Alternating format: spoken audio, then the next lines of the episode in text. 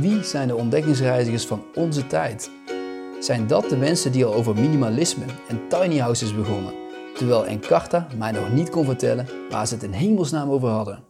Die zich al douchten met biologische zeep, in ijswater, terwijl duurzaamheid nog een linkse hobby was. Als Rai in de 15e eeuw was geboren, zou hij met een zelfgemaakte kano op expeditie gaan. En hoe meer mensen het hem afraden, des te sneller hij vertrok. In de strijd met de elementen leeft hij volledig in het nu.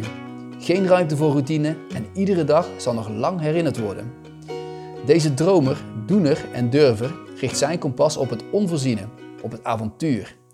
Een veilige toekomst laat hij achter zich, want later is al lang begonnen. Oh ja, de gast die we in de vorige aflevering aankondigden, is plots op avontuur gegaan. Wat een buitenbeen. Maar nu, snel door naar de aflevering.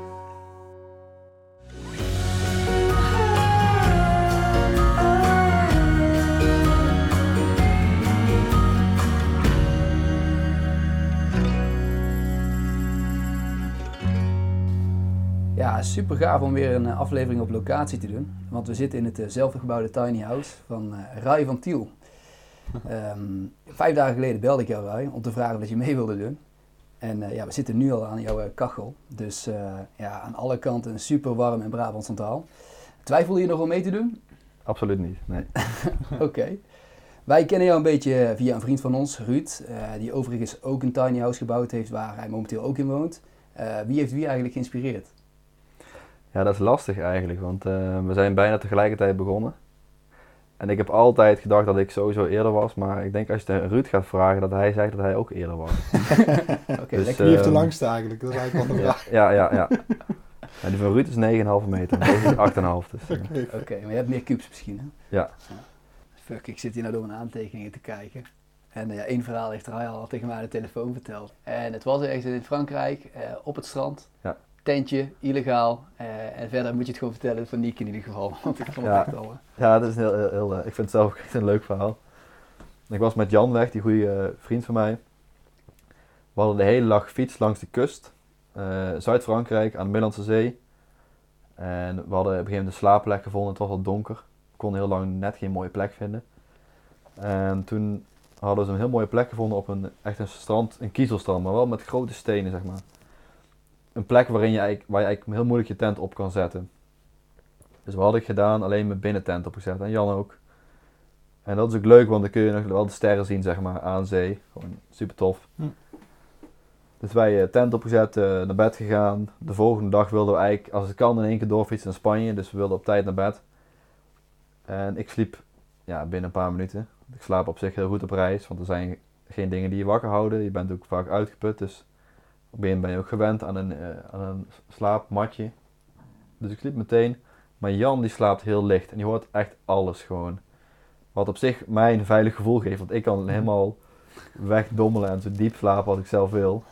Jan uh, is toch wel alert, zeg maar. En Jan had een jeep horen aankomen. En ik had het niet gehoord.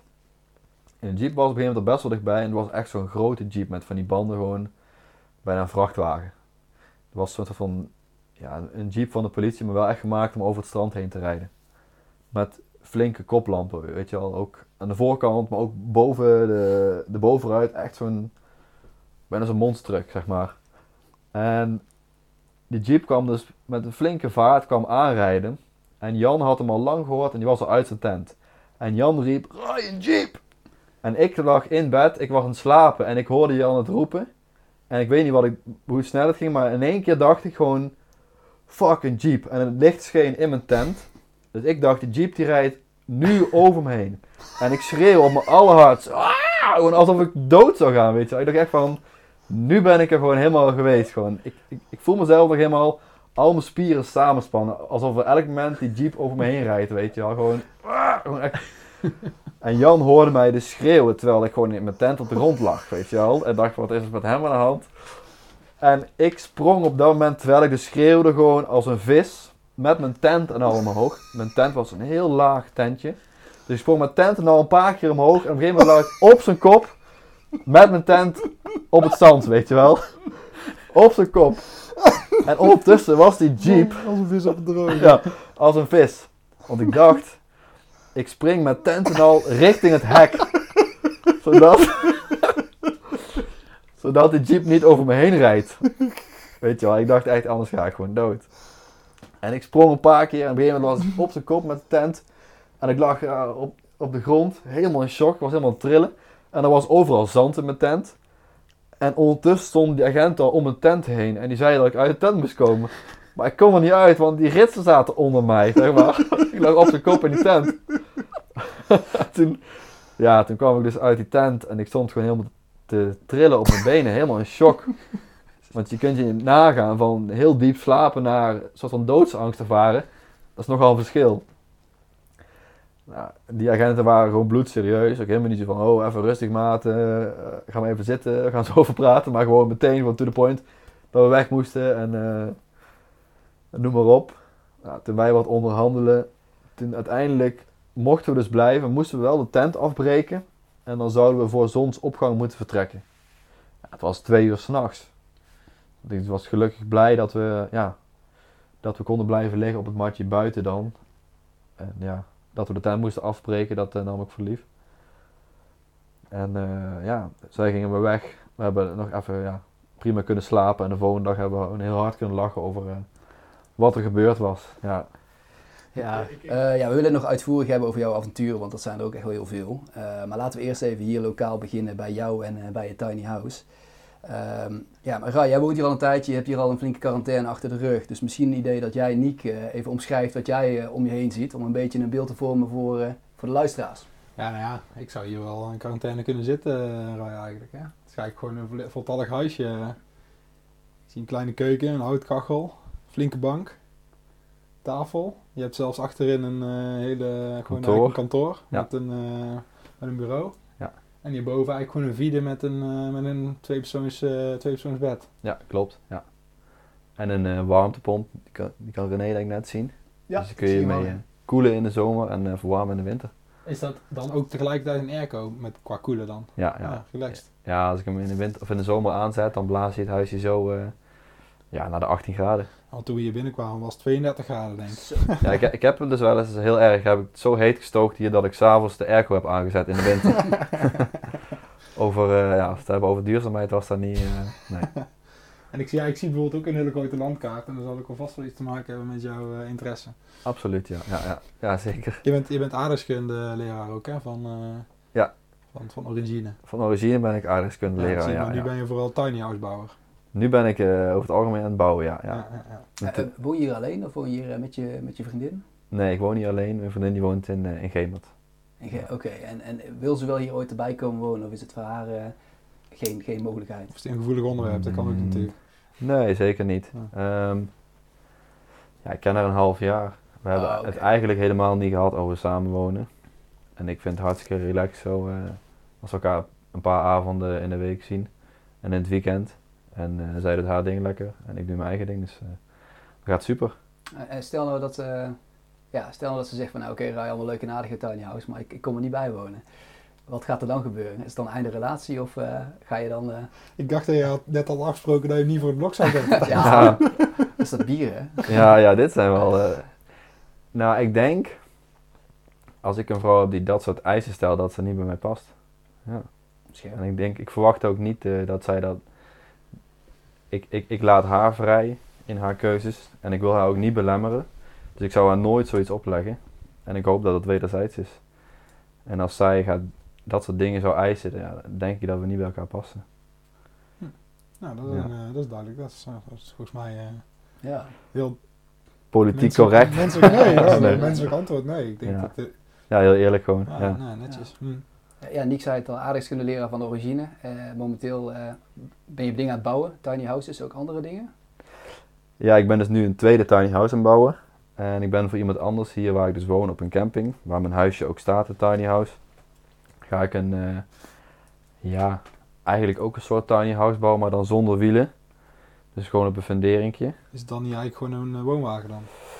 Nee, een woonwagen heeft natuurlijk ook wielen, oh. in feite. Wat is, wat is eigenlijk überhaupt wat is het verschil tussen een woonwagen en een tiny house? Ja, dat is een hele lastige vraag. Oh. Maar uh, kijk, het verschil vaak met een woonwagen is, heb je echt materialen zoals heel vaak plastic. Um, een woonwagen is ook niet gemaakt om echt achter de auto te vervoeren.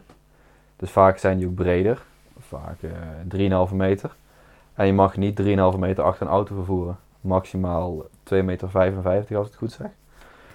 Dus een tiny house is in feite daarvoor ontwikkeld van. Die kun je achter een auto vervoeren. Met, en ik denk dat mensen die een tiny house bouwen ook meer stilstaan bij het eh, duurzaamheidsvraagstuk. En de gemiddelde woonwagenbewoner, eh, die is daar minder mee bezig. Wederom politiek correct eh, Ja. beschreven. Ja, wel- maar ja, wel een thema wat volgens mij vaak terugkomt bij eh, tiny house bouwers. Tenminste, eh Nee, Ruud, zeker. die vriend van ons, die, die is er ook al van. Eh, duurzaamheid noem je zelf al. Ja. Ehm, ik, ik zie trouwens alleen bij een microfoon, dat dingetje zit er niet meer op of wel? Zit hij er wel op? Ja, hij zit erop. Oh, sorry, Ja, ja, dan zie ik het verkeerd.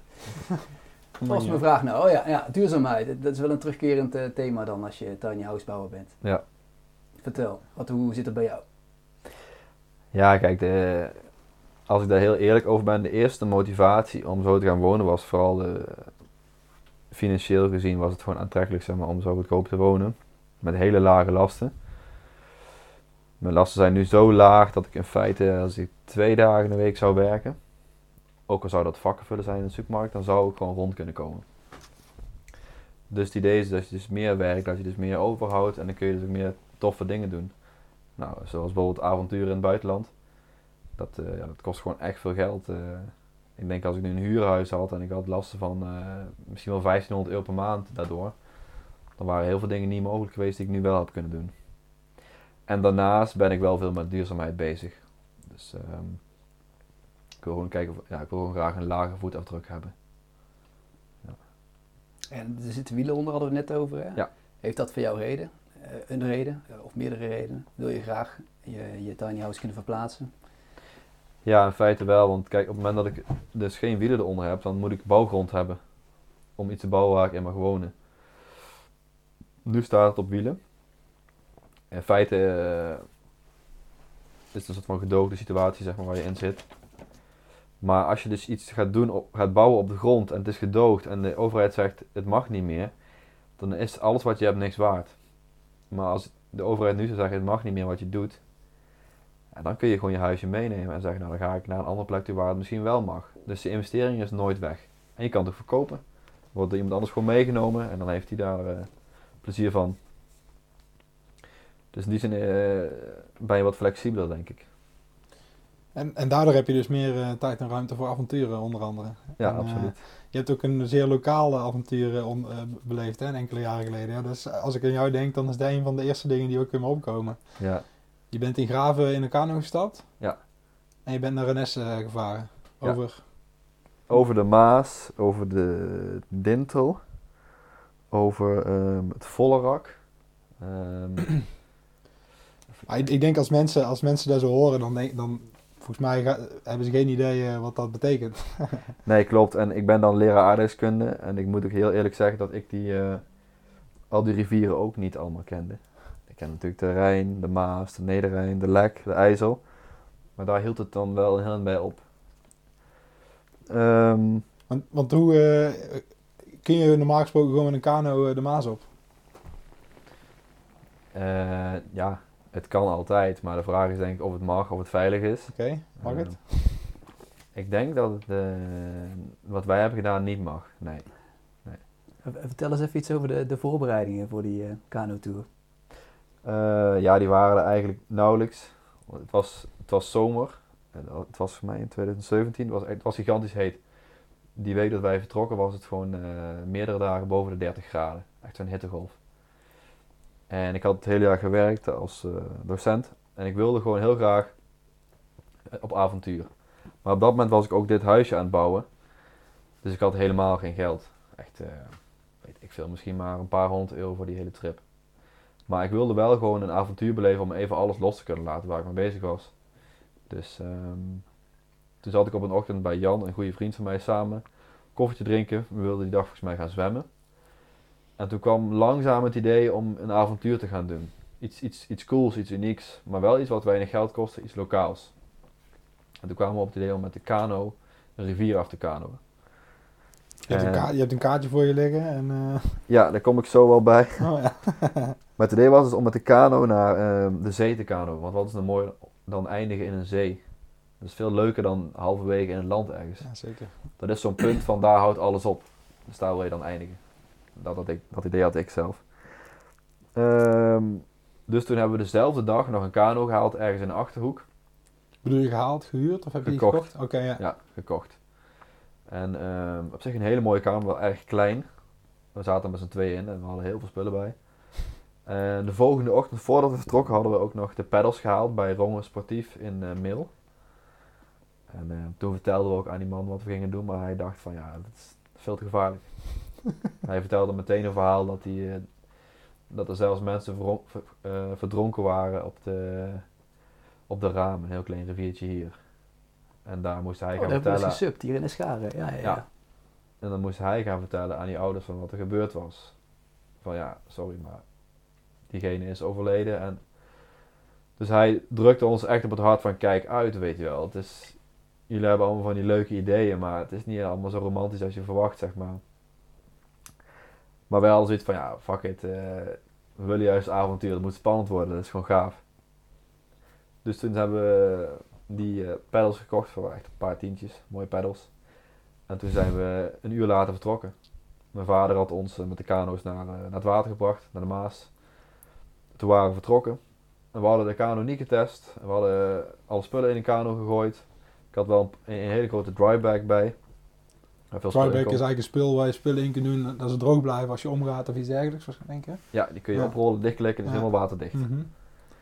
En ehm, ja, toen gingen wij kano en dat ging eigenlijk hartstikke goed. Maar wat, wat gebeurde er nou als er dus boten voorbij kwamen, heel hard, die veroorzaakten best wel grote golven. En we hadden zoveel spullen in de kano, plus ons eigen gewicht, dat de kano net boven het water lag. En op een gegeven moment was er echt een hele grote boot, echt een speedboot. Maar dan echt gewoon een grote speedboot. Dus die kwam keisnel voorbij. Terwijl ja, dus allerlei wetten op het water, waar ik dus achter ben gekomen. Ook Maar, maar hij zich niet aan hield dus in ieder geval. Hij hield zich Ja. daar absoluut niet aan, want hij ging veel te hard. En die golf was zo ho- hoog. Dan noem je dat een hekgolf. Dus heel veel hoge golven achter elkaar. Nou, die zorgden ervoor dat die golven zo hoog waren dat we meteen gezonken waren. Ik had een gloednieuwe camera van Canon. Gloednieuw, die was een half jaar oud. Nou, die was dus zeiknat geworden. Al mijn spullen waren nat. Ik had een supermooie autokaart bij om rivieren te, te varen. Dat is die dan? Die zien we hier. Ja. Ja, die is, daar is eigenlijk niks meer van over. Die heb ik uit, even op het droge gelegd. En laten drogen en toen heb ik die een beetje vastgetaped. Maar dat was leuk, want wij waren er op de rivieren bezig met een autokaart. Maar wacht even, met die, die kano, die lag op de bodem, of dat niet? Je kon Nee, er we waren dicht bij de kanten al, Ah, Oké, gelukkig. maar hij was helemaal onder water. Ja, ja. En aan de uiteinde van de kano heb je twee van die luchtkamers. En dat zorgt ervoor dat de kano nooit naar de bodem zinkt. Maar ja, hij staat wel helemaal onder water, dus al die spullen, alles is nat. Echt gewoon letterlijk alles. Die was een paar uur, een dag? Ja, twee uur of zo. Oh ja, oké. Dus we waren twee uur bezig en het was al één grote flop. Ik dacht echt van, ja shit, maar dit gaat gewoon echt niet lukken gewoon. Maar goed, naar de kant gegaan, de spullen uitgelegd, alles laten drogen. En toen dachten we, ja fuck it, we gaan het toch gewoon proberen. Maar toen gingen we iets anders in op de golven. Dus we benaderden de golven iets anders. Wat we vaak deden als de boten kwamen, dan gingen we met de boot, met onze eigen kano langs de kant varen. Gingen we uit de kano en dan konden we met de handen meehelpen en de boot de golf laten absorberen zodat niet al het water meteen in de kano zou stromen. Ja, het is absurd, maar zo hebben wij gewoon eh, misschien wel 200 kilometer afgelegd. Gewoon bij, bij snelle boten en grote boten hebben we gewoon de kano uit moeten gaan. Klinkt als genieten. ja. Mensen die nu aan het luisteren zijn, die vragen zich af, waarom doe je dat? ja, die, die, die vraag krijg je altijd bij dit soort dingen, maar kijk, ehm, ik denk als een avontuur, zeg maar, als het echt spannend wordt en als je onvoorbereid eh, bent, dan vraagt dat heel veel van je. Dat betekent dat je niet kan nadenken of kan mijmeren over dingen die, eh, waar je misschien wel in het dagelijks leven last van hebt. Oftewel, je hebt focus en je komt volledig in de zone. Echt zo'n moment waarin je in het nu leeft. En dat is eigenlijk heel mooi om te ervaren, want dat is best wel moeilijk eigenlijk als je gewoon in het dagelijks leven aan het werken bent of als je gewoon ehm, naar je werk toe fietst. Mensen zitten eigenlijk ja, misschien wel 50% van hun tijd in hun hoofd te denken aan dingen, zeg maar. Maar met zo'n reis ben je volledig in nu en dat is echt, ja, dat is gewoon zo mooi. Ehm, ja. Is dat onvoorbereidheid? eh, eh, nou, dit is een paar jaar geleden, maar is dit een terugkerend thema? Of is dit, eh, ja, voor dit specifieke reisdoel geweest? En ben je verder altijd wel goed voorbereid? Nou, ik denk eigenlijk, ehm, kijk, je hebt eigenlijk twee mensen. Je hebt mensen die dus, eh, die blijven voorbereiden, maar die zullen altijd wel blijven. En je hebt mensen die gewoon gaan. En die gaan ook echt. En later realiseer je dat je niet voorbereid kan zijn. Tuurlijk kun je op, dit soort dingen hadden we op zich wel voorbereid kunnen zijn. maar er zijn heel veel dingen die gaan je overkomen en daar kun je niet op voorbereid zijn. En ik denk dat jullie dat gezegd hebben ken, kennen van, eh, wat was het nou? Experience co- comes from, from good judgment, but good judgment comes from bad experience. From, nee, Eh, ja. nee, experience comes from good judgment. Nou, dit moet je er echt even knippen staan. ja, dat mag wel. Ja. But experience come, nee. Eh, Judgment come from bad experience of zoiets zal het zijn. Kijk, Nee, good judgment comes from. Nee, good experience comes from bad judgment. en, Good judgment comes from experience.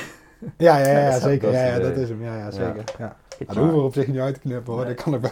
Dat kan wel ja, zo dat is wel leem eh, lang eigenlijk. Ja. Maar, ehm Nou, de vorige keer eh, eh, noemde René mijn, eh mijn rode beret. Hè? Je weet dat ik misschien ook militair ben geweest. ja, Die noemde die roze beret tijdens de aflevering.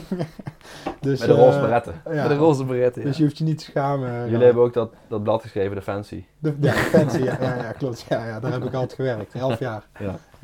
Maar eh, die, die Jan, die, die denkt dan, oh jee, er komt Rui weer aan. Jouw vriend Jan. Die denkt, oh, Ja. er komt Rui weer aan met zijn wilde ideeën. En wat denkt hij op het moment dat die kano na twee uur al eh, aan het zinken is? Dan denkt hij, maar heeft hij me nou weer meegenomen? Of is dat... eh, Nee, Jan, Jan die, is, eh, die presteert ook heel goed onder druk. En die, die neemt hij dan echt niks kwalijk. En ik denk dat hij er ook van geniet. Maar hij is in die zin minder ehm, een dromer dan ik, zeg maar. Ik, ehm, ik fantaseer daarover en dat is gewoon eh, een drijfveer, zeg maar, een verlangen, zeg maar. ehm. altijd maar een soort van horizon najagen en nieuwe wilde ideeën. Ja, Hoe, hoe is dat dan in de laatste tijd geweest? Want door corona word je eigenlijk gedwongen om... eh nou, je kunt wel avonturen doen, maar dat moet je vrij lokaal gaan uitvoeren. Eh, terwijl je daarvoor constant misschien de vliegtuig pakte naar Nepal, naar andere bestemmingen. Hoe, eh, wat, heeft dat voor jou gedaan, corona? Ja, ik heb gewoon eigenlijk ehm, mezelf gewoon rustig gehouden. Boeken lezen, fietsen, wandelen en zoiets van. En mezelf op een nieuw project gestort. En dat is de bouw van een tweede tiny house. En dat is op zich ook gewoon een heel avontuur. Je moet alles opnieuw uitvinden, weer ja, voor de tweede keer, maar toch, het is gewoon een hele, hele weg die je be- bewandelt, zeg maar, die ook uitdagend is. Het is geen reisavontuur, maar absoluut een avontuur. Ja. Als ik jou zo hoor, dan, eh, dan zeg je van eh, ik probeer de, de horizon na te jagen en zo. Dan Ja. denk ik echt aan die ontdekkingsreizigers, weet je wel, van vroeger. ja. Ben je in de verkeerde tijd geboren?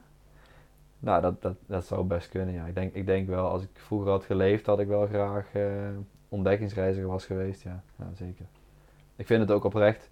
Ik heb ook vaak gedacht van, oh, wat jammer eigenlijk dat alle continenten eh, ontdekt zijn. Stel je voor dat er nog ergens een plek op aarde was, zeg maar, die nog niet ontdekt was. Dat je daarheen kon gaan als eerste. En daar gewoon ja, de eerste persoon zijn die daar voet aan wal zetten. Ja, Als, eh, als Elon Musk jou opbelt en vraagt hoe dat je de, eerste, samen met je vrienden in de eerste kolonie op Mars eh, wil zijn, ben je er dan bij? Maar je kunt niet terugkomen, dat is de voorwaarde toch? Ja, je dat is de niet voorwaarde. terugkomen. Nou, kijk, ehm, ik denk dat ik eh, minder eh, interesse heb naar het buitenaardse leven, omdat het toch gewoon. Het aardse is zo mooi, weet je zo kleurrijk, zo groen, zo, zo vol leven. Eh, verschillende culturen, andere smaken, geuren, alles is anders, weet je op alle continenten. En ik heb het gevoel dat het buiten ons plane- planeet toch wel ehm, ja, minder divers is in die zin. Hoe, hoe oud ben je, Rui? Ik ben nu 29. Nee, moet 29, echt want eh, ja, ik, Ja, ik vroeg heb me het af, eh, eens. ik ben zelf, eh, ja, drie, ik moet voor nadenken, ik ben 33. Ehm, die, die- toen ik 20 tot, tot 30 was, ging ik vaak met Nico op avontuur en eh, met andere vrienden. En eh, bij mezelf merk ik dat het een beetje, eh, daar baal ik van, dat het een beetje achteruit loopt. Dat ik iets minder avontuurlijk ben qua doen van activiteiten. Maar ik blijf wel altijd onrustig als ik te lang op één plek ben. Dat, blijft gewoon en ik wil nog steeds leuke dingen doen. Denk jij dat je bij jou, in jouw geval, ehm, ook zo'n trend gaat doorlopen, dat het steeds minder gaat worden? Of ben je altijd iemand die wil verplaatsen, die nieuwe dingen wil ontdekken, die naar het buitenland wil? Eh, een stukje onrust, ja. Ja, onrust eh, zou ik het ook zeker noemen, ja. Ik denk dat het wel minder is geworden. Nu ook al, ja zeker. Maar het blijft wel onderdeel van mijn leven. Ik zal altijd leuke dingen blijven doen. En ik wil ook gewoon. Ik heb het gevoel, als, je, als ik één jaar in Nederland ben en niks doe qua reizen, dat het echt in één seconde voorbij vliegt. Maar als ik één maand op reis ben, dat voelt als een jaar. Wat ik heb meegemaakt, de verhalen. Mm. Dus als je veel reist, heb ik het gevoel dat je een heel lang en eh, veelzijdig leven hebt. Zo, ja. En eh, dat mag ook best wat geld kosten. Ik vind het helemaal niet erg als ik daardoor later minder geld heb gespaard. Of een minder groot huis heb. Ja. Ben je nooit bang dat je daar over 50 jaar anders over denkt? Nee, ik heb wel eens gedacht, stel je voor dat ik niet meer zou willen dan ik nu heb. Een tiny house die afbetaald is, dan ben ik eigenlijk al. Dan kan ik alleen nog maar dit soort dingen gaan doen. Heb je een kinderwens? Zo, Ehm, zo. Die wordt wel groter naarmate ik ouder word, ja. Ja, zeker. En misschien ook ehm, omdat je dit soort dingen wil kunnen delen. Het is natuurlijk hartstikke leuk als je ooit een oude kel bent. En dat je allemaal toffe verhalen hebt die je kan gaan vertellen aan je kinderen. Ja. Of misschien ooit aan je kleinkinderen. Ja. Dus, ehm, maar ik denk misschien wel leuk om die ehm kanovakantie af te maken, of niet? Ja, Ja, zeker. zeker, Wij zijn ja, bakken ja. diepte aan het ingaan, maar je zat nog eigenlijk midden in je verhaal. Dus, Ja, eh, ja, ja, ja, ga door, ja, ga door, vooral door. Ga door. Je, was, je was twee uur onderweg en je Ja. bent gezonken. En we zijn gezonken. De, ja, alle spullen laten drogen. Eh, dezelfde dag nog weer vertrokken met spullen erin. Frisse moed. Alleen een andere tactiek. Gewoon als de golven komen, naar de, Ja, naar de ja, kant precies. gaan. Ja, ja, ja. Ehm, en onderweg kwamen we mensen tegen en die maakten ons allemaal heel erg bang van. eh, ja, als je dadelijk bij het Hollands Diepe aankomt, dan spookt het. Ik zou daar niet gaan kano, dat moet je echt niet doen. Je alleen maar vrachtverkeer. En als je dadelijk het volle rak moet oversteken, ja, dat, is, dat, dat kan helemaal niet met zo'n boot. Dat is de drukste vaarweg van Europa. Dat is, dat is, dat is gewoon te gevaarlijk. Al het verkeer van ehm, Rotterdam naar Antwerpen komt daar overheen. Dus vrachtschepen, tankerschepen zeg maar. Ehm, maar we hadden zoiets van, ja, we kijken waar gewoon ver we komen. En toen onderweg, toen kwamen we op een gegeven moment, eh, werden we ooit uitgenodigd bij mensen op een boot. Kregen we 's ochtends vaak koffie, mensen waren geïnteresseerd. En En die ik heb natuurlijk... kaart voor je, anders verandert het geluid de hele tijd, eh, sorry. Als jij met je ogen beweegt, dan verandert Oh, het volume ja. de hele tijd. En... Even kijken. Onderweg kwamen we dus allerlei mensen tegen. En die waren natuurlijk eh, nieuwsgierig. Die riepen dan, eh, waar gaan jullie heen jongens? En dan zeiden wij, ja naar Renesse. en dan, ja! En dan lachen. En die dachten dat wij gewoon logen. Gewoon echt, gewoon zo lachen van, dat is een goede grap. Die dachten dat wij een uurtje aan het kano waren. Ja. Maar soms werden we ook uitgenodigd. En dan kregen we alles van die mensen. Gewoon koffie en eh, lunch, noem maar op. En die moesten natuurlijk altijd hartstikke hard lachen. Omdat wij een, een wegenkaart hadden op vaarwater. En onder, aan het eind van de rit hadden we iets van een stuk of zes kaarten. Allemaal vaarkaarten gekregen. Ja, die zien natuurlijk heel anders uit dan, eh, dan wegenkaarten. Maar door, daardoor hadden we wel een heel ander beeld van wat voor routes we konden bevaren eigenlijk. Veel meer mogelijkheden dan we eigenlijk hadden verwacht.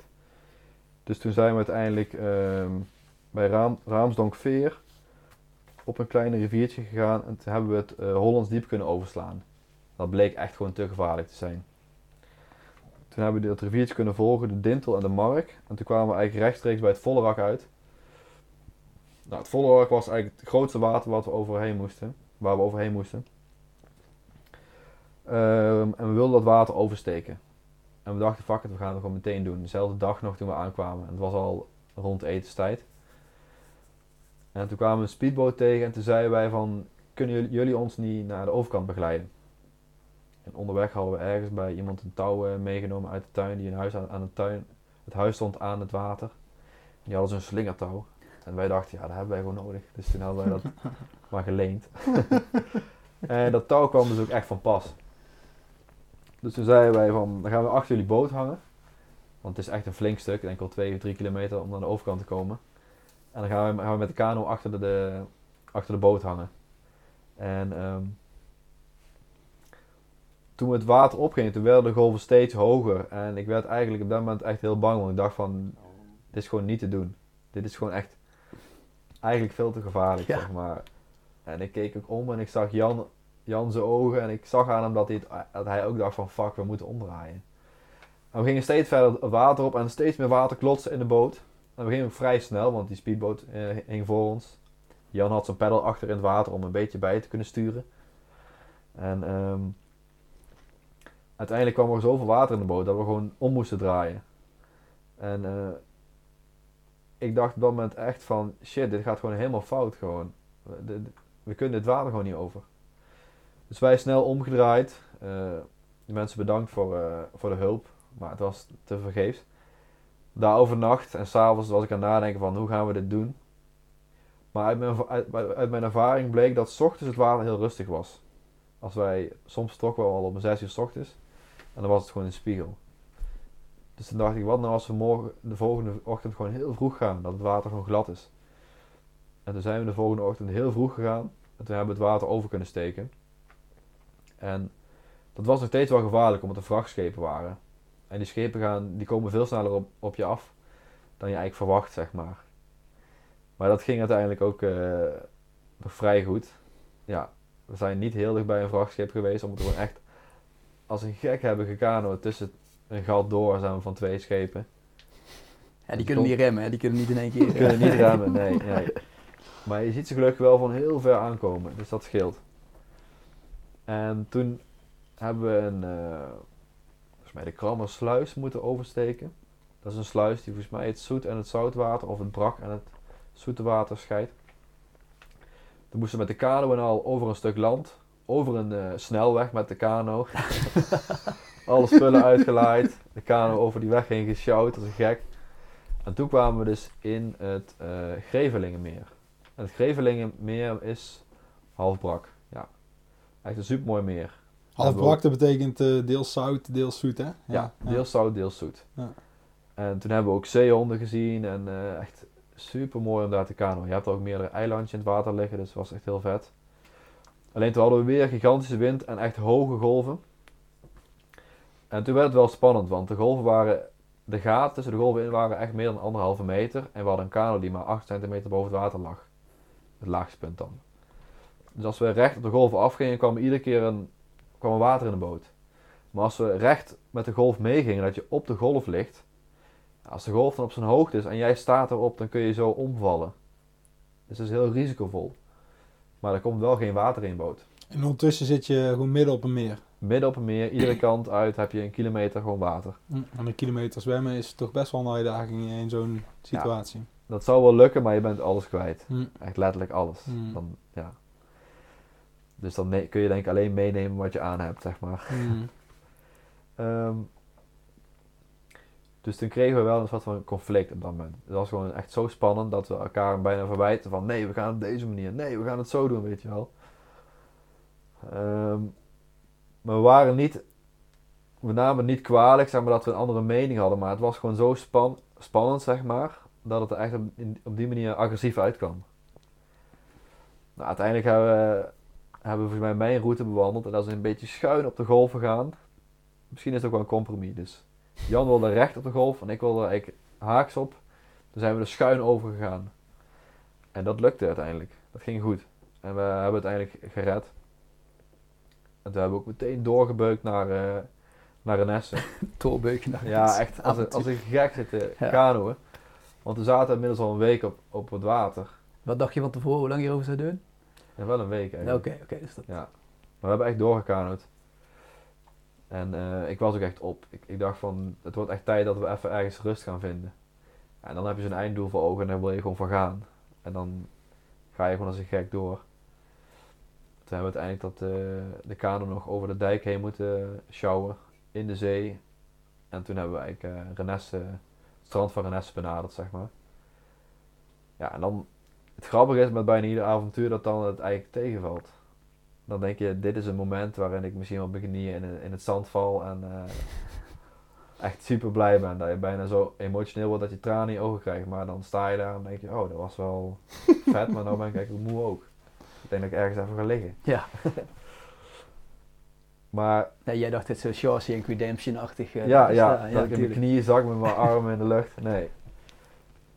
Maar uit ervaring weet ik dat het eigenlijk dat dat ook goed is. Want je vergeet soms dat je alleen maar aan het vechten bent voor het einddoel. Terwijl het gaat helemaal niet om het einddoel, het gaat juist om de reis zelf. En daar word, word je dan wel aan herinnerd van, nee, het zijn juist, de hele reis was waarom ik het deed en niet het einddoel. En soms wil ik dat wel vergeten tijdens een trip. Dan ben ik echt gefocust op dat punt van ik moet daar zijn. Dat is typisch Nick. Ik moet nog echt denken aan onze vorige, vorige aflevering met jou. Ja. Dat jij die 666 kilometer had gefietst in 24 uur. En je komt Ja, over die respect. finish en het is eigenlijk een soort anticlimax. Ja, het voelde helemaal niet als anticlimax. Ja. Het was gewoon, ja, chill. Eh, ja, ik ben er, ja. En eh, dan, dan weet je gewoon, ja, fucking vet avontuur eh, gehad. Ja. En het maakt helemaal niet uit eh, wie er staat. Of, ja, het is fijn dat je ouder staat dan staan. Het maakt helemaal niet uit wie er staat of wat er staat. Maar het is gewoon, ja, die 24 uur, dat voelt als een week. Wat jij eerder ook zei. Gewoon eh, zo'n avontuur. Eh, als, je, als je iets onderneemt, ja, dan le weet je, je, bent gewoon levend. En het is gewoon, eh, je maakt gewoon zoveel mee in zo'n korte tijd. Ja, je kunt ook de hele dag hier eh, in je, in house zitten, Ja. weet ik veel. eh, ja. Ja, ja dat zou kunnen. Ja, ik moest wel net denken toen, eh, toen je vertelde dat je vader je afzette. Eh, ik kan me ook een verhaal herinneren. Ik weet even niet meer of dat ik via Ruud heb gehoord of via jouzelf ooit. Dat je ergens naartoe ging fietsen. En dat jouw vader ook zei, of jouw stiefvader ook zei, van, dit ga je nooit lukken. ja, dat klopt, ja. Eigenlijk is dat een soort gelijke voorbereiding geweest eh, ten opzichte van de kano, toch? Klopt dat? Ja, zeker. Dit, dit was eigenlijk het, het allereerste avontuur dat ik aanging. Misschien ook leuk om te weten dat mijn opa is voor de Tweede Wereldoorlog op de fiets naar eh, Zwitserland gefietst. En ehm, ik dacht daar wel vaker aan, zeg maar. En ik dacht dan ook van, dat is eigenlijk hetzelfde als nu naar China gaan of zo. Ja. Snap je ik bedoel? Hoe, Ja, hoe nee, de klein wereld is kleiner was. geworden, De ja. wereld was zo klein toen. En ik weet dat een oom van mij op zijn vijftiende met de brommer ook heel eh, Europa heeft door, rondgereden. Dus er zit denk ik wel iets in mijn familie, zeg maar. Wat, eh, Zit iets in het DNA er waarschijnlijk. zit iets in het Ja. DNA, ja. Toch die ontdekkingsreiziger, ja. Ja. ja. Maar ik was 18 of zo. En toen ging ik dus... Toen wilde ik met de fiets op vakantie. Ik had een paar vrienden overgehaald. Ehm, ja, misschien voelt het voor hen anders, maar voor mij voelde het echt dat ik het idee had, zeg maar. En hen ook een beetje overtuigd van, fuck it, dit is vet, we gaan dit doen gewoon. En het idee was om naar de Middellandse Zee te fietsen. Op eh, racefietsen, want we hadden allemaal oude racefietsjes. En ondertussen ging ik mijn fiets een beetje voorbereiden aan de fietsenmaker. Nieuwe banden erop leggen, eh, nieuwe remblokjes. En ik vertelde mijn verhaal enthousiast tegen de fietsenmaker. En die keek naar mijn fiets en zei van... Maar dat kan helemaal niet met deze fiets. Het is onmogelijk. Oh, we herinneren dat hij dat vertelde, ja. Ja, dat is echt super grappig. Hij zei, dat kan niet. Zo'n oude fiets. Je moet een kogelfiets hebben. Met de dikste banden. ja dat is de fiets van eh, Teun Meulenpas, is dat. Ja. Oh ja, ja, Ja. ja. En, en hij had ook gelijk dat het veel fijner was met die fiets. maar ik dacht dan, dit is onzin. Want mijn opa fietste op zo'n super zware ijzeren fiets voor de Tweede Wereldoorlog naar Zwitserland. Snap je? Zonder ortlieptassen en noem het maar op. Dus toen dacht ik, nee, dit is gewoon niet waar. Dit, dit is echt wel mogelijk met zo'n oude fiets, maar het is gewoon wat minder plezierig. En ehm, dus ik gewoon stug vastgehouden aan mijn eigen, eigen plan. Ik had fietstassen van mijn moeder geleend. Fiets een beetje opgepimpt. Ik had er een vlinderstuur op gezet. En, Wat is een eh, vlinderstuur? een vlinderstuur is een stuur dat je eigenlijk op meerdere manieren vast kan houden. En de vorm lijkt een beetje op een vlinder. Misschien wel op, op Oh, zo'n Mm, achtje. nee, ja, een beetje op een acht lijkt het, ja. Ja, ja, ja. Ja, een paar dagen later vertrokken we. We hadden afgesproken bij de Benz in Langenboom. Eh ik nou, vertrokken en dat, dat ging eigenlijk heel goed met die fiets. Ehm, maar de eerste dag was het zo heet en het was eigenlijk zo zwaar dat ik eigenlijk dacht van... Ik heb een fout gemaakt. Ik heb iedereen overgehaald. Dus het gaat niet eens lukken. Weet je wel, ik ga dadelijk... Ik ben dadelijk degene die het op gaat geven. en in die zin voelde ik me wel verantwoordelijk. Hoeveel had je meegenomen? Sorry? Hoeveel had je op sleeptouw genomen? We waren in totaal met z'n vieren. Oké. Ja. En, ehm, maar ik dacht gewoon, gewoon doorgaan. En de volgende dag was al helemaal zwaar, want ik kwam in de Ardennen en ik had eigenlijk nog nooit in de bergen gefietst. Dus het was en heet en we waren in de Ardennen en die dag hadden we maar 60 kilometer afgelegd en ik was helemaal op gewoon aan het eind van de dag. En in mijn hoofd had ik allemaal berekeningen, ja, 25 kilo- kilometer per uur gemiddeld en dan 8 uur fietsen. 200 kilometer per dag. Nou, we zijn in een week in Zuid-Frankrijk. Mooi niet. Nee. Ja. En da- daar is ik de optimist, zeg maar, in. Maar eh, slaat herken ik wel. ooit is belachelijk. Ja. Maar je hebt, je hebt eigenlijk de hele reis geacteerd om je vrienden eh, de indruk te geven dat je, dat je er zin in hebt en dat je het probleemloos gaat uitfietsen. Of hoe heb je dat, eh, hoe heb je dat gedaan? Nee, ja, ik was er wel open over. Maar de eerste dag was ik wel, in mijn hoofd zag ik het even niet meer zitten. Maar ik dacht van, ik moet gewoon doorzetten. maar toen ging het beter en we, en we kwamen steeds verder en ik, ben, ik werd er ook steeds enthousiaster over. En ik had het gevoel dat ik voor de eerste keer in mijn leven echt thuis verliet, zeg maar. Als je ergens heen vliegt, dan ben je daar in één keer. Maar nu laat je alles langzaam achter je. Je nog laat, de laatste keer langs je school waar je naar school ging. De laatste keer waar, je, waar je altijd werkte. Of de laatste keer waar misschien wel je ex-vriendin woonde, snap je? Alles, alles laat je langzaam achter je. En dat vond ik een heel mooi gevoel om van het thuis wegfietsen. En ja, na een paar dagen ging het goed. Mijn vader belde op een gegeven moment en die zei: Maar je kunt toch ook gewoon de trein vatten? en dat was ik zal het even vertalen voor de mensen die geen nee, Ja, hij zei: Je kan ook gewoon de trein pakken. Ja, ja. En dat was op zich heel goed bedoeld, maar hij dacht: van Wat doe je jezelf aan? Waarom zou je fietsen? De trein is helemaal niet duur en je bent veel sneller. Maar dat was ook het idee, weet je wel. Je wilde juist jezelf tegenkomen in die reis en je wilde spontane dingen meemaken. Maar waarom moeten we onszelf tegenkomen? Ja, ik heb, ik, ik heb hetzelfde hoor, maar ik kan er ook niet altijd antwoord op geven. Nou, ik denk, ik denk je, je dwingt jezelf om in het moment te zijn. Je zorgt ervoor dat ehm, je stelt jezelf kwetsbaar op, waardoor mensen je helpen. Dus je ontmoet veel mensen die, die hulp bieden.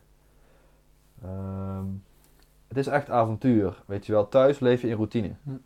Je weet hoe je moet koken, je weet hoe laat je wekker gaat. Je weet hoe je je werk uitvoert. Ehm, heel veel dingen die je op automatisch piloot.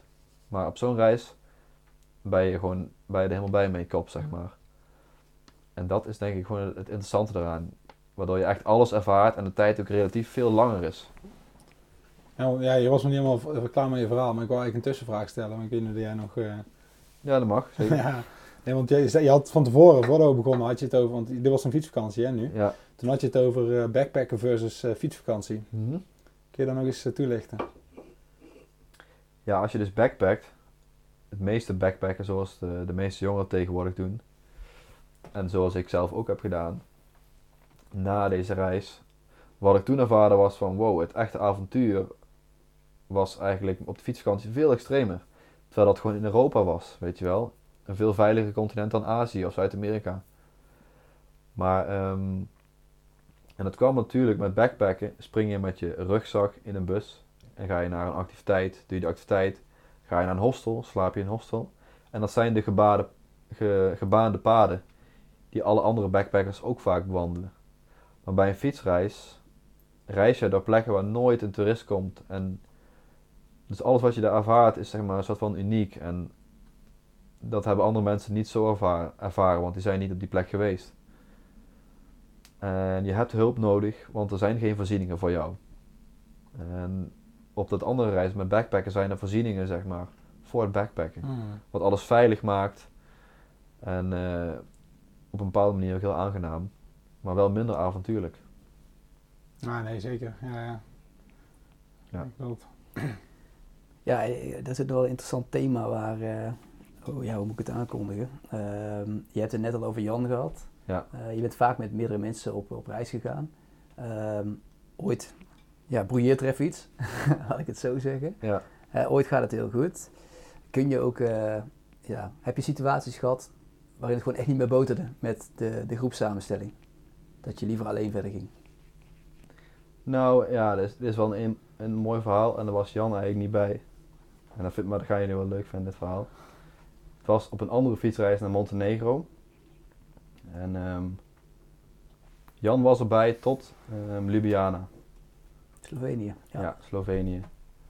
En Jan had al last van zijn knie onderweg, zeg maar. En op een gegeven moment ging het niet meer. Terwijl Jan eigenlijk in die zin het fit, het fit van ons allemaal was. Hij is echt een sportman. Hij is volgens mij twee of drie keer Nederlands kampioen bankdrukken. Okay, zo. En hij, was, hij had dus gigantisch sterke benen, maar hij was minder voorbereid op het, uh, op het cardio aspect, zeg maar. En um, hij kreeg, dus, kreeg een knieblessure, moest afhaken. En dat was op zich heel, heel naar, want ik had met hem twee weken samen gefietst. En toen namen we afscheid. En het voelde bijna alsof ik in het leger zat. En alsof een van mijn maatjes was uh, overleden. Heel apart was het. Never leave, never, never leave, wat nou? Leave no man behind. Leave no man behind. Ja. Dat heb je al vaker gedaan, Rai, hè? Iemand, uh... ja. ja, dan mag je best daar naar vragen. Maar um, Jan bleef achter. En dat was in die zin ja, wel, wel treurig. En ik ging met Stuart en Stuart door. Een neef van mij, Stuart, en een andere vriend, Stuart ik noem, wij noemden hen ook wel de SS, Sjoerd en Sjoerd. de SS. Het waren ook twee eh, lange, smalle jongens, dus ze waren in die zin de echte SS'ers. Nee. Maar, ehm, dus wij gingen door en we gingen naar Slovenië, Kroatië in. En toen gingen we naar een eiland Havar. Hebben jullie ooit gehoord van Hav- Havar? Nee. Havar is dus een eiland, een heel mooi eiland in de Middellandse Zee, waar best veel mensen heen gaan ook om te feesten. En wij hadden zoiets van, dit is een perfecte plek om onze rustdag te houden. Misschien zelfs twee rustdagen. Mhm. Gewoon even te genieten, gewoon even niet fietsen, uitslapen, feesten, noem maar op. En ik keek er echt naar uit. En we kwamen aan op het eiland, we waren op zoek naar een hostel, maar die waren te duur, meestal boven de 20 euro. En we hadden gewoon zo'n klein budget dat we dat zelfs te duur vonden. En toen hadden we, fietsen een berg op aan de rand van het eiland. En toen hadden we gewoon zoiets van, we gaan gewoon hier in de, in de berm liggen. En dan kijken we morgen wel waar we gaan liggen. Nou, toen vonden we op zich wel een fijn plekje, maar echt een schuine helling. Maar wel met een uitzicht gewoon over de zee. Je zag echt tien andere eilanden en allemaal boten in het water. En ik dacht van ja, het is een gratis plek, we blijven gewoon lekker hier. En ik had mijn tent ook niet opgezet, dat kon niet, was onmogelijk, was te schuin. Dus ik lag in een, in een beetje in een greppel tussen wat stenen, waar mijn matje net een beetje recht kon liggen. En toen gingen we op stap die avond. Daar mooi ingedronken met een flesje sterke drank. En ehm, ja, dat was op zich heel leuk. Alleen die twee vrienden van mij wilden heel vroeg naar huis. Maar zij hadden thuis ook iemand, waar, een, een vriendin of een scharrel waarmee ze aan het daten waren. En ik was op dat moment single. En ik had zoiets van, ja jongens, ik wil graag gewoon blijven, misschien gebeurt er nog iets leuks. Ehm, maar zij hadden iets van, nee, we gaan gewoon lekker naar huis. En, en op dat moment kwamen ook die frustraties een beetje omhoog. Dat heb ik al vaker gemerkt met dit soort reizen. Als je dan dronken bent, dan komen die frustraties Hebben wij, omhoog. no- hebben wij nooit gehad, of wel? Heel herkenbaar. Ja. En dan komen die verwijten van, ja, maar jij... En toen werd het een beetje een ruzie en, en we, we, we weten elkaar voor van alles. En toen zei ik van, ja, ik ga wel alleen verder, flikker maar op. En zij dachten van, ja, is goed jongen, zoek het maar uit, wij gaan naar huis. En ik ging dus alleen, eh, alleen verder feesten. En zij, zij ging naar huis. Nice, naar die greppel. Naar de greppel eh, op de berghelling. En ik, ik verder feesten, maar ja, na een uur dacht ik, ik sta hier alleen, weet je wel, tussen al die Italiaanse eh, toeristen, wat doe ik hier? En toen wilde ik de bus pakken, want we moesten een stukje de bus pakken, maar die ging niet meer. Dus toen dacht ik, ja, ik blijf hier slapen ergens. Toen heb ik mijn geld over mijn zakken verdeeld en toen ben ik op een bankje gaan liggen. En ehm, toen dacht ik van, want ik had wat losgeld bij van Sjoerd geleend. Want een week daarvoor was ik mijn portemonnee verloren in eh, Kroatië, ergens in het binnenland. En dus ik daar eh, mijn geld verdeeld, daar geslapen, volgende ochtend de bus gepakt. En toen kwam ik daar en toen was, ja, toen was de SS weg. Waarom had je je geld verdeeld? Omdat dat je bang was dat je misschien gezakkenrot zou worden? Ja, ik had op vier plekken gestopt. Ja, en ik dacht, als iemand dan mij in zakken rolt, dan Ja. heeft hij maar een vierde deel. Ja, precies. Oké. ik dacht heel slim te zijn, maar ja, natuurlijk een lachertje. En toen kwam ik de volgende dag op die plek en toen bleken zij dus al weg te zijn. En Oei. ik dacht, ja shit man, het zit me echt niet lekker gewoon. Dus ik voelde me zo lullig.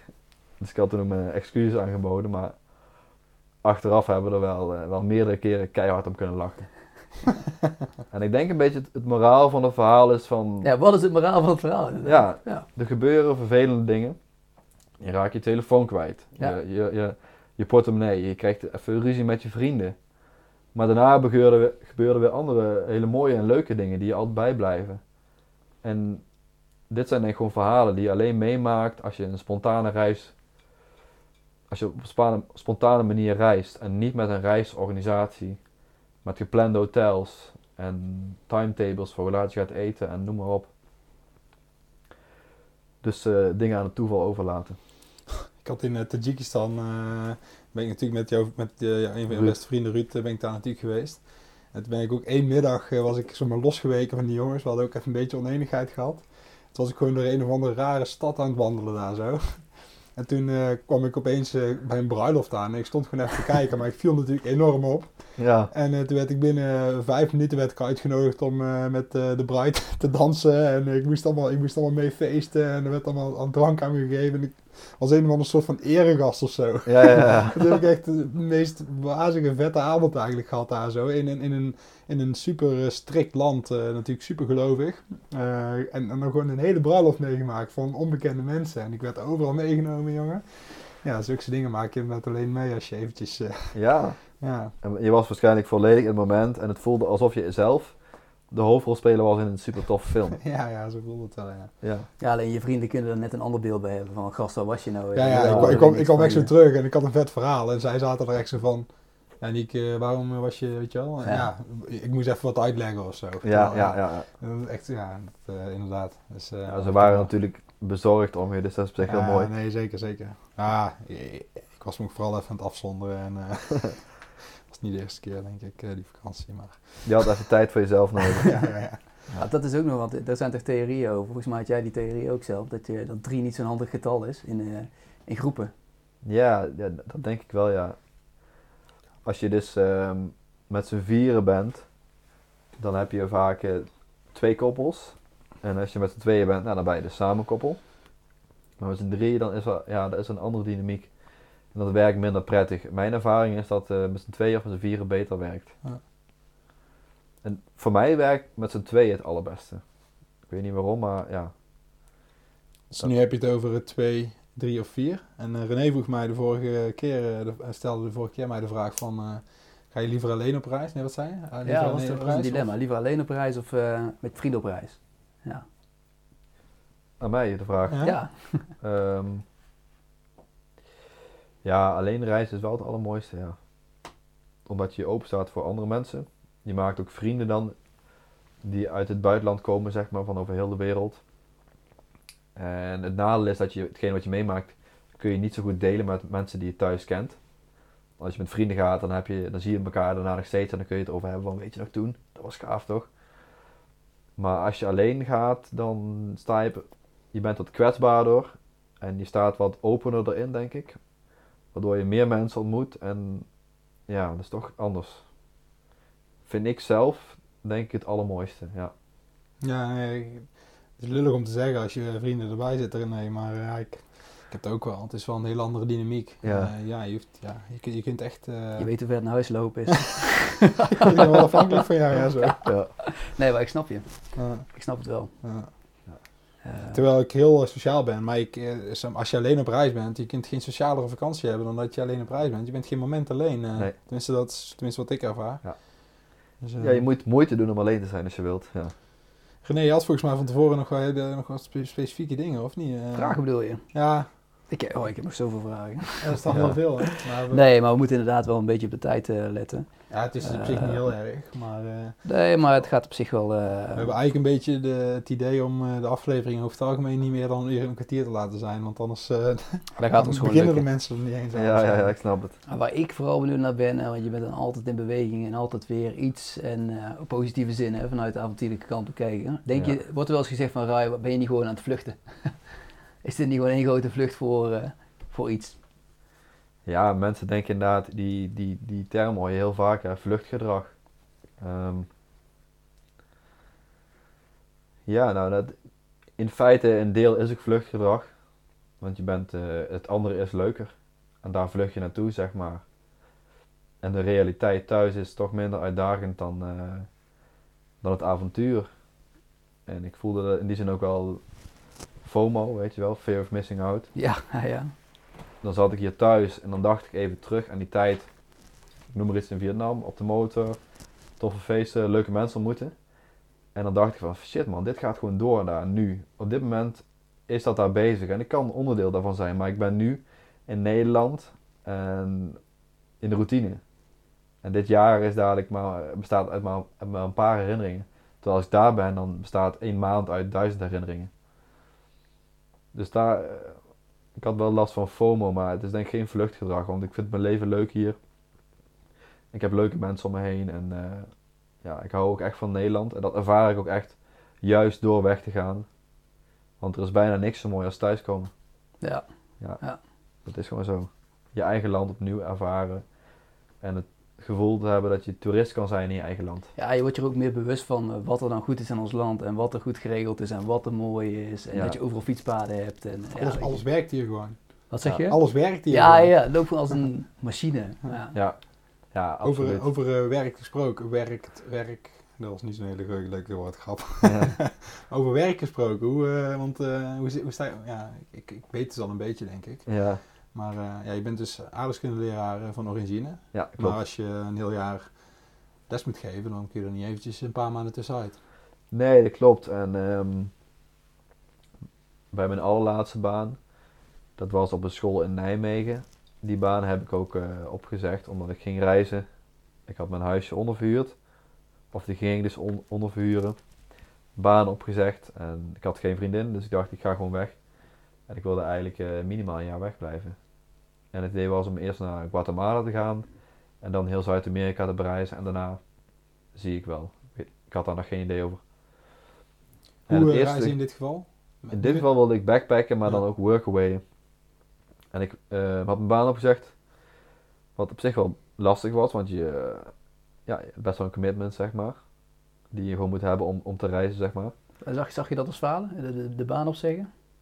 Nee, nee, ik zou het eerder als falen zien om ergens te werken terwijl ik ergens anders wil zijn. En ik, dan zou ik het gevoel hebben dat ik niet eerlijk ben tegenover mezelf. Hoe zag je omgeving dat? Ehm, ja, mensen om, om de omgeving, en dat is denk ik overal zo, kiest altijd voor zekerheid. En dat is werk. Gewoon een vast inkomenszekerheid. En een hypotheek en een huiszekerheid. En ehm, ik dacht van ja, dat, dat kan dan wel zijn, maar eh, ik verlaat liever ooit de aarde met het gevoel van ik heb echt het maximale eruit gehaald. En ik ben nu doodop en ik vind het helemaal niet meer erg dat ik nu dood ga, want ik heb alles gedaan wat ik wilde doen. Dan dat ik heel mijn leven zekerheid heb gehad. Oh, dit wordt een quote voor Instagram. Ja. heerlijk. Ja. En in feite, Ik zeg het er voor mezelf bij, dan hoef ik niet meer terug te luisteren. ja, ja. In feite is er, ehm, ja, ik denk, er is zoveel zekerheid in Nederland. Het allerergste wat er kan gebeuren is dat je bijsta- in de bijstand komt. En dan krijg jij eh, nog steeds een, een bedrag per maand. En dan kun je in aanmerking komen voor misschien wel een sociale huurwoning. Het is niet dat je doodgaat, snap je? Nee. Dus in Maar je, feite leeft, kan er niks... ook, maar je leeft ook niet, wil je zeggen. Nee, wat ik wil zeggen is het allerergste wat kan gebeuren. Mensen willen zekerheid hebben.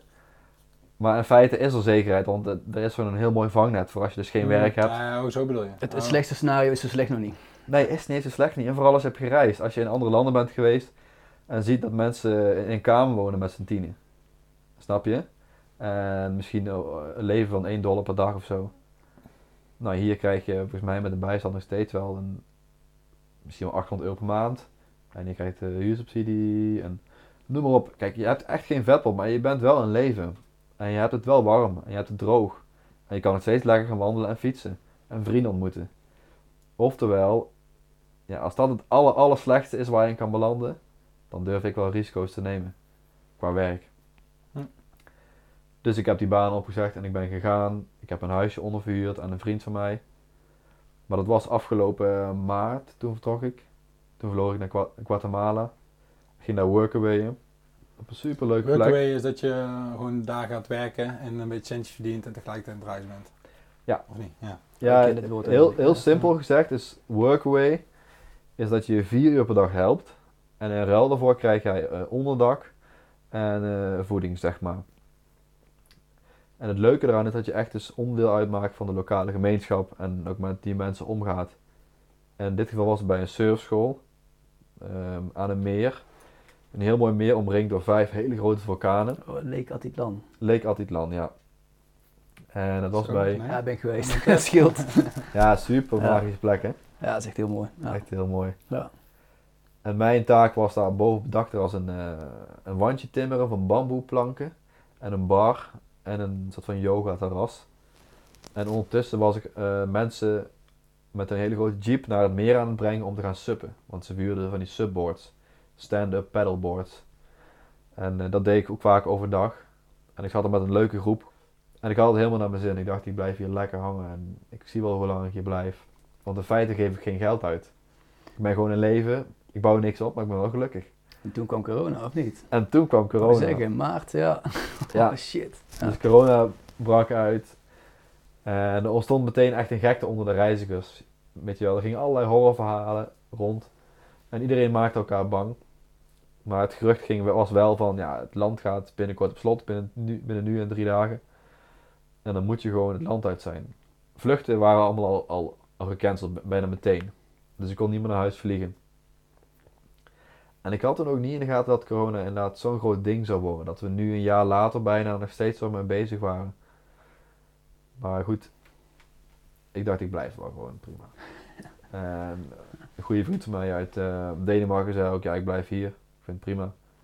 Maar toen werden die verhalen wel steeds realistischer. En dan was op een ook, corona was ik echt in het land. En toen dacht ik van, maar oké, als dit land echt in lockdown gaat, zit ik er echt vast. Dus toen heb ik besloten om uh, mezelf uh, aan te melden op een Facebookgroep. En via die groep weer in een WhatsApp groep te komen met allemaal Nederlanders die vastzaten in Guatemala. En daar zat ook iemand in van het consulaat. En dat consulaat zat in uh, Mexico-stad. En die hield op de hoogte van nieuwe berichten en gaf ons ook advies.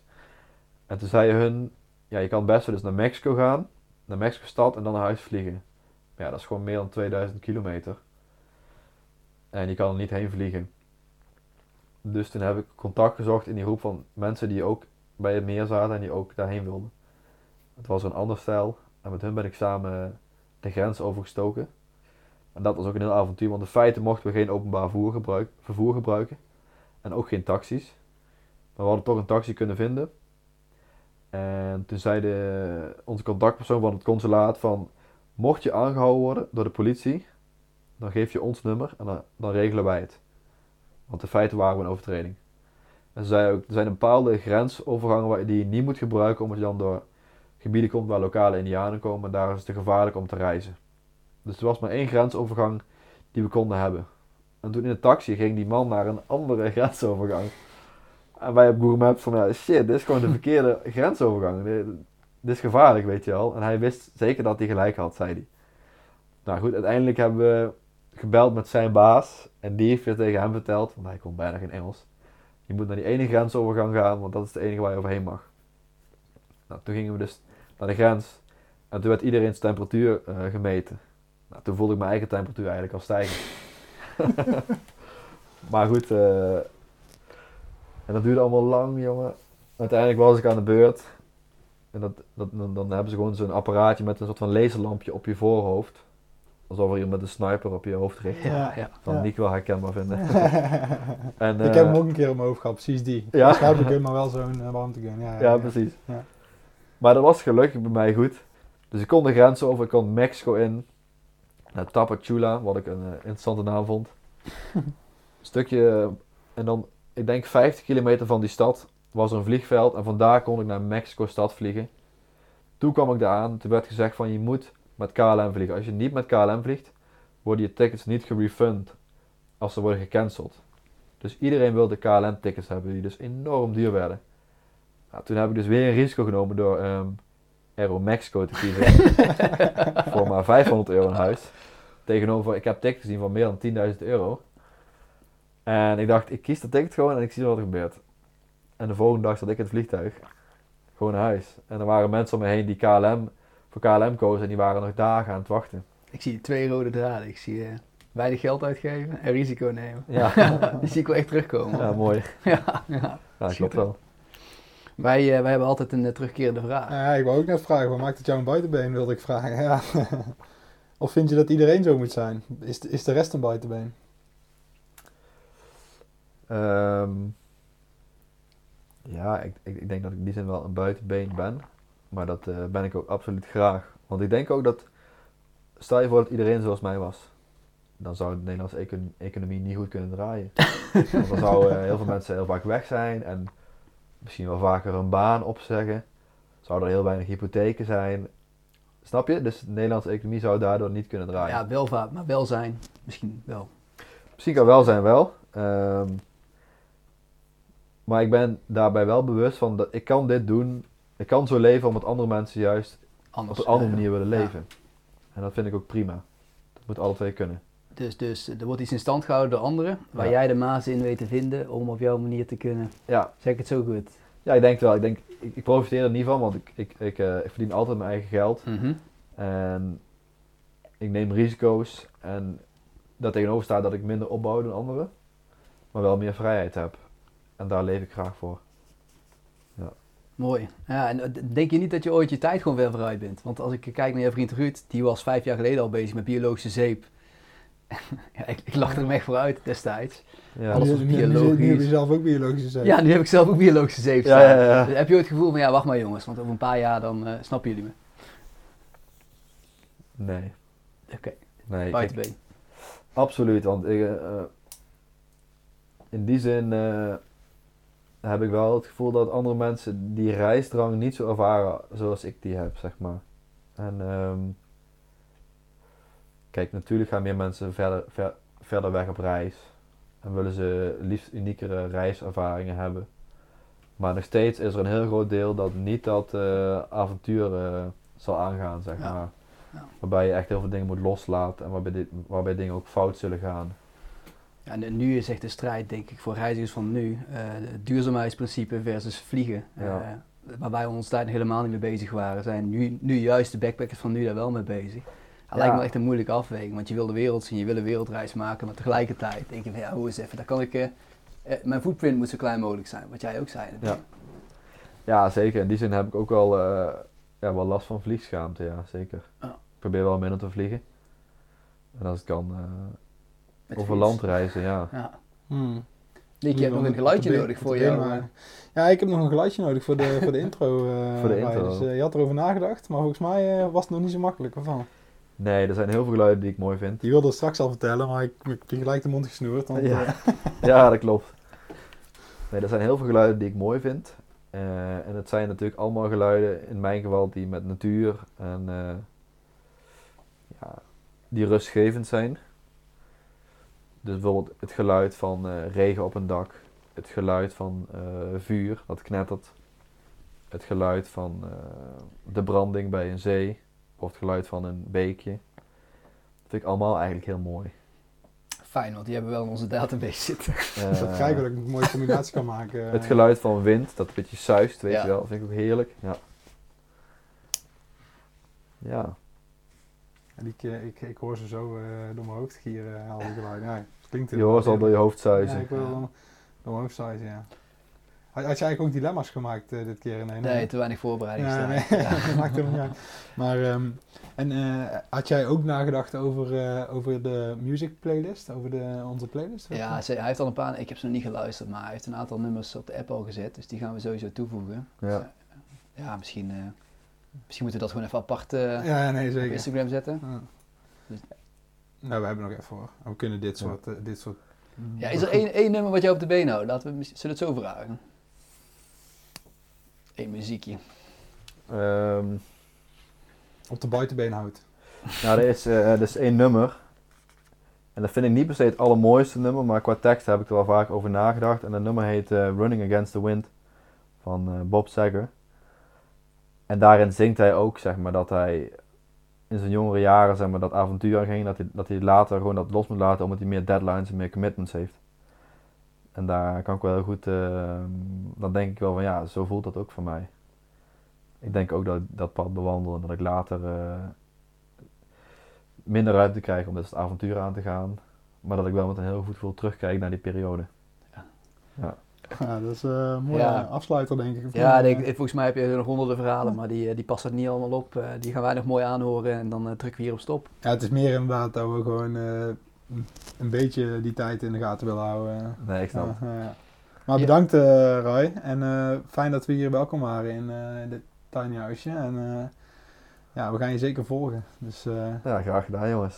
Vond je het zelf leuk? Ik vond het leuk, ja. En ik eh, blijf jullie ook volgen. oké. Thanks. Die Rai. Wat een avonturier, ontdekker en wereldreiziger. Persoonlijk kan ik niet wachten om ook weer heerlijk op pad te gaan. Laten we wat dat betreft hopen op veel positief coronanieuws en spoedige versoepelingen van de internationale reis- en samenkomstbeperkingen. Tot die tijd kunnen wij ons ei deels kwijt in het maken van de podcast, waarmee we ook jou een klein beetje dat buitenbeengevoel hopen te kunnen geven in beperkte buitenbeentijden. Wat betreft de podcast hebben we voor de volgende aflevering Marjolein van Loenen te gast. Marjolein was naast drie mannelijke collega-kandidaten de enige vrouw die Kamp van Koningsbrugge volledig wist te volbrengen, waarmee zij zich reeds commando waardig mag noemen. Als ex-militair weet ik dat het echt wel een ding is om trots op te zijn. Daarom kijken wij enorm uit naar deze aflevering en hopen wij dat ook jij dan weer van de partij bent bij de Buitenbenen podcast voor het nodige avontuur on the go.